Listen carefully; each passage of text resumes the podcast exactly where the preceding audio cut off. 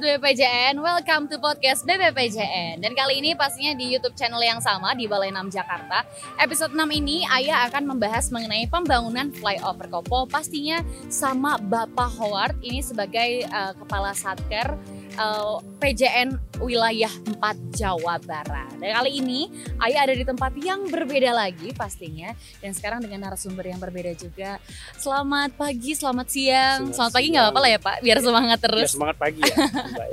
selamat datang juga untuk Bapak Hawardi ya atau biasa dipanggil Bapak Howard. Ya. Apa kabar Pak? Alhamdulillah sehat Mbak ya. Alhamdulillah sehat ya, terlihat kok sehat banget nih. Semangat ya. Nah, jadi sekarang ini kan di tempat yang berbeda Pak. Mungkin hmm. boleh dijelasin sama sobat BPPJN nih, kita lagi ada di mana dan sedang ada kegiatan apa Pak? Baik, uh, sobat BPPJN, hmm. kita sekarang ini berada di Jalan Soekarno Hatta. Hmm. Jalan Soekarno Hatta ini adalah arteri utama di Kota Bandung, menghubungkan menghubungkan di lingkar selatannya kota Bandung. Nah, di sini kita nantinya akan membangun, mungkin di belakang sudah Mbak Aya dan Sobat hmm. BPJN sudah lihat ada alat berat kita. Di sini kita akan membangun yang namanya flyover Kopo, artinya jembat jalan layang yang nantinya melintasi persimpangan uh, Raya Kopo dan persimpangan uh, Jalan Cipaduyut Lewi Panjang. Ah Nah, Bapak Hawardi kan ini kan sebagai Satker uh, eh, PJN Wilayah 4 ya Pak, betul ya? Nah, ini kan pastinya banyak tahu informasi nih. Kira-kira boleh dikasih tahu sama Sobat BPJN nih, ini udah sampai sejauh mana sih progresnya dan uh, mungkin ada perkiraan waktu kah akan selesai uh, pada tahun kapan gitu? Baik Pak Ayah, jadi uh, Sobat BPJN uh, flyover Kopo ini baru saja uh, tanda tangan kontrak hmm. itu tanggal 13 November 2020 ini. Okay. Jadi baru baru sekali. Jadi mungkin baru hanya uh, field engineering yang ada di lapangan. Hmm. Nah, hanya target pelaksanaan uh, flyover Kopo ini selama 22 bulan. Hmm. 22 bulan itu dengan tiga tahun anggaran. Jadi artinya 2020, kemudian 2021 dan 2022. Hmm. Jadi target uh, penyelesaiannya itu diperkirakan September tahun 2022 itu. Jadi sekitar 22 bulan. Kalau hari kalendernya itu hampir 660 hari, Mbak ya. Jadi lumayan lumayan panjang. Jadi ini memang baru tahap awal uh, kita di uh, pembangunan flyover Kopo ini. Oke, nah kalau itu kan untuk uh, kemungkinan selesainya Pak ya rampungnya dan juga kemarin memang baru dimulai ya tanda tangan ya Pak betul. Nah kemarin tuh Ayah udah sempat ngobrol-ngobrol dikit sama uh, uh, Pak Kepala Balai, terus juga yeah. ngobrol sama Bapak Wali Kota tentang pembangunan uh, flyover Kopo ini. Nah untuk panjangnya sendiri Pak itu dari mana sampai mana dan sekitar ada berapa ratus meter mungkin? Ya baik, uh, ya. Jadi rencana pelaksanaan flyover Kopo ini hmm. itu jembatannya itu sendiri sepanjang 1,3 km artinya hmm. 1.300 meter. 1.300. Cuman juga ada fronted artinya pelebaran jalan sepanjang 1,3 eh 1,7 km artinya sat, okay. uh, 1.700 meter mm -hmm. itu untuk pelebaran yang pelebarannya itu di sisi selatan dari uh, flyover itu mm. jadi uh, lumayan lah mbak itu menghubungkan dari uh, pasar Caringin sampai ke ini ini titik akhir kita ini sedang lagi berada di titik akhir flyover itu sendiri. Oh, Oke, jadi ini di titik akhirnya ya sobat BPJN. Nah, hmm. itu kan cukup jauh ya Pak ya hmm. untuk lahannya sendiri. Nah, untuk pembebasan lahannya itu apakah ada kendala atau mungkin sudah sejauh mana? Boleh diceritain Pak? Benar, ini memang uh, karena kondisi jalan existing ya. Hmm. Jadi pembebasan lahan itu tetap itu kita dibantu oleh uh, Pemprov hmm. Provinsi Jawa Barat, kemudian juga dari Pemkot Kota Bandung. Kemarin mungkin Mbak Ayu udah uh, koordinasi dengan ngomong-ngomong dengan Pak Mang Adet, Mang Odet lah ya. Jadi ya uh, memang kalau untuk lahan masih belum 100%. Artinya ada 4% lagi uh, untuk yang lahan yang harus dibebaskan. Itu ada beberapa titik kalau secara peta bidangnya itu uh, 14 bidang hmm. dan juga di sepanjang 1,7 km itu. Cuman kita sudah kemarin sudah berkoordinasi dengan uh, Pemda Provinsi Jawa Barat Mhm. tahun ini mereka atau tahun 2021 ini mereka telah menganggarkan untuk uh, sisa pembebasan lahan ini.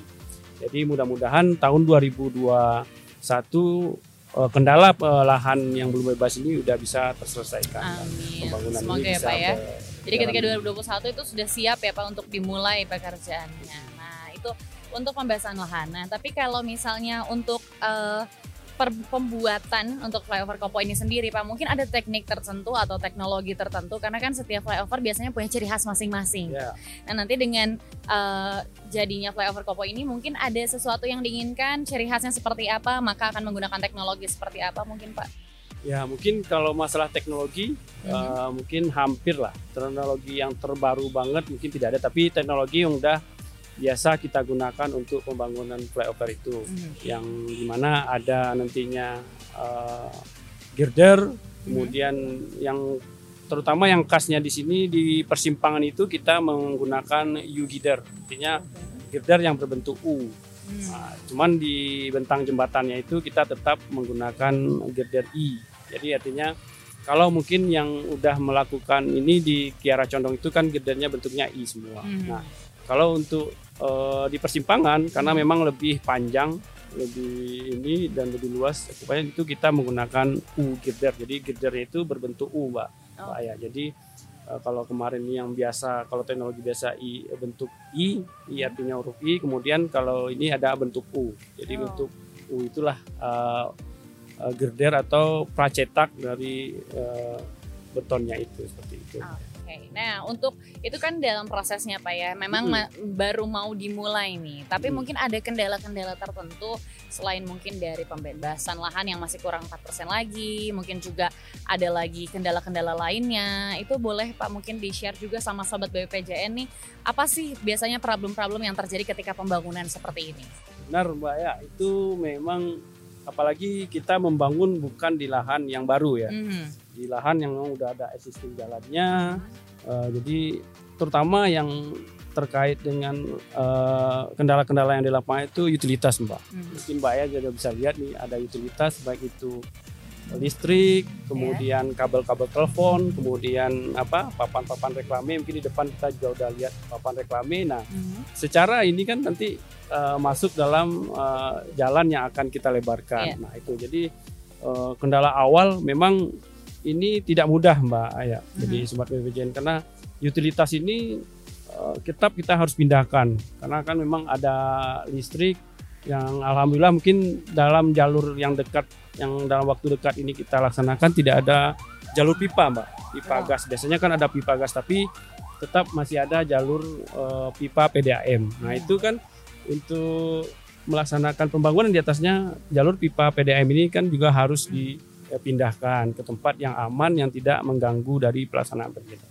Juga nantinya ada tiang-tiang listrik yang yang awalnya memang eh, di tepi jalan atau di trotoar, tapi karena ada pelebaran nantinya di tengah kan nggak mungkin nanti ada jalan di sini ada tiang listrik di tengah nanti kita pindahkan lagi ke eh, tepi dari pelebaran itu sendiri mbak. Jadi Nah, untuk khususnya utilitas ini memang eh, sebulan sebelum eh, eh, kerjaan atau tanda tangan eh, paket eh, flyover Kopo ini kita udah berkoordinasi, Mbak ya. Jadi semua eh, pemilik pemilik utilitas yang ada di jalur yang akan kita bikin ini udah kita undang, kita rapatkan koordinasi eh, kapan bisa mereka akan memindahkan masing-masing eh, milik atau eh, utilitas yang mereka miliki itu ke daerah yang nantinya kita sediakan yang lebih aman. gitu. Jadi memang banyaknya kendalanya karena ini jalan yang sudah ada ya Pak Iya. sebelumnya. Jadi itu mungkin banyak kendalanya. Bahkan hal-hal kecil seperti pohon, Pohon juga ya iya, iya. harus dipikirkan kembali. Nah, untuk jalan ini sendiri nih Pak, eh, pembangunan flyover Kopo ini kan melalui eh, jalan-jalan perbatasan ya Pak dari Bandung ke Kabupaten Bandung. Nah, pasti ada masalah baru lagi yang timbul demi pembuatan eh, flyover Kopo ini padahal yang memang niatnya untuk mengurangi permasalahan sebelumnya yang ada.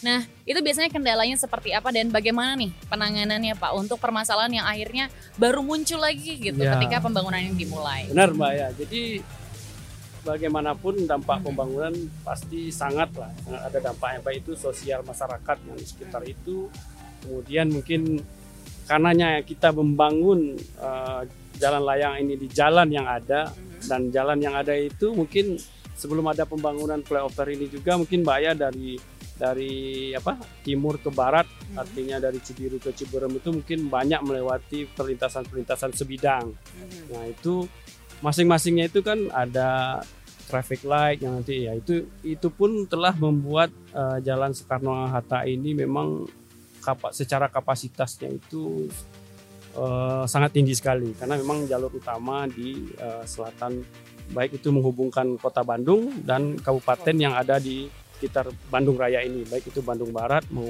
Cimahi, kemudian Kabupaten Bandung itu ya, Bayang.